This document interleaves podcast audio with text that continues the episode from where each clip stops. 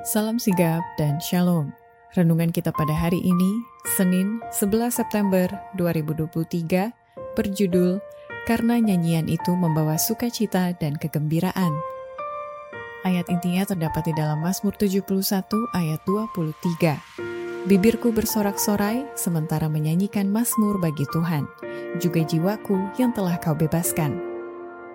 Pena Inspirasi menuliskan yang dimaksud dengan judul renungan kita pagi ini, karena itu membawa sukacita dan kegembiraan, adalah sebuah panggilan kehidupan yang praktis agar kita senantiasa tetap berusaha untuk dengungkan suara yang menyenangkan sebagai faktor yang menunjang kebahagiaan sejati dan sarana untuk memulihkan hubungan kita secara vertikal kepada Tuhan dan horizontal dengan sesama sebagai berikut.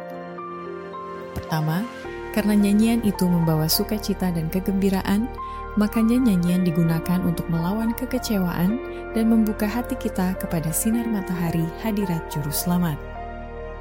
Nyanyian adalah senjata yang senantiasa dapat kita gunakan untuk melawan kekecewaan. Sementara kita membuka hati kepada sinar matahari hadirat Juru Selamat, kita akan memperoleh kesehatan dan berkatnya. Kedua, karena nyanyian itu membawa sukacita dan kegembiraan, Makanya melalui nyanyian, kita akan mendapati diri kita terangkat di atas banyak kemurungan dan kebingungan kita. Kebaikan Tuhan yang penuh rahmat kepada kita sungguh besar. Ia tidak pernah meninggalkan atau mengabaikan mereka yang percaya kepadanya. Jika saja kita memikirkan dan membicarakan lebih sedikit pencobaan-pencobaan kita dan lebih banyak rahmat dan kebaikan Allah, maka kita akan mendapati diri kita terangkat di atas banyak kemurungan dan kebingungan kita saudara-saudaraku dan saudari-saudariku, kamu yang merasa sedang memasuki jalan yang gelap dan seperti para tawanan di Babel harus menggantungkan kecapimu di pohon. Marilah kita membuat pencobaan menjadi nyanyian yang penuh kegembiraan.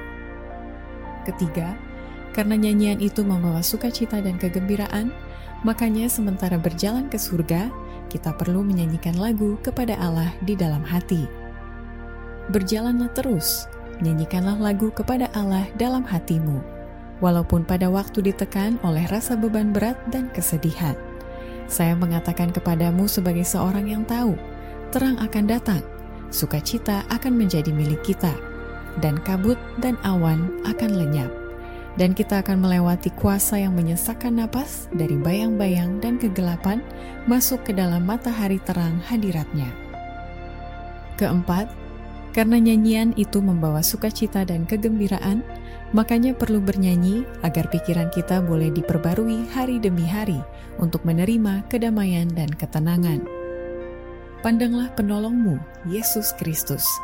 Sambutlah dia dan undanglah hadiratnya yang penuh kasih karunia itu. Pikiranmu boleh diperbarui hari demi hari dan adalah kesempatanmu untuk menerima kedamaian dan ketenangan, mengatasi segala kecemasan, dan pujilah Allah atas berkat-berkat yang engkau terima. Janganlah bangun penghalang hal-hal yang tidak menyenangkan yang menjauhkan Yesus dari jiwamu. Ubahlah suaramu, jangan mengeluh. Biarlah rasa syukur dinyatakan atas kasih agung Kristus yang telah dan masih terus ditunjukkan kepadamu. Kelima, karena nyanyian itu membawa sukacita dan kegembiraan, Makanya, nyanyian-nyanyian pujian kita harus berusaha untuk sedapat mungkin mendekati keharmonisan paduan-paduan surgawi.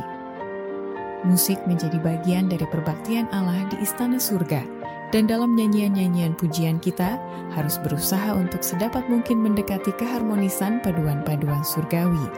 Sebagai bagian dari acara rohani, nyanyian juga merupakan tindakan perbaktian sama seperti berdoa. Demikianlah renungan kita pada hari ini.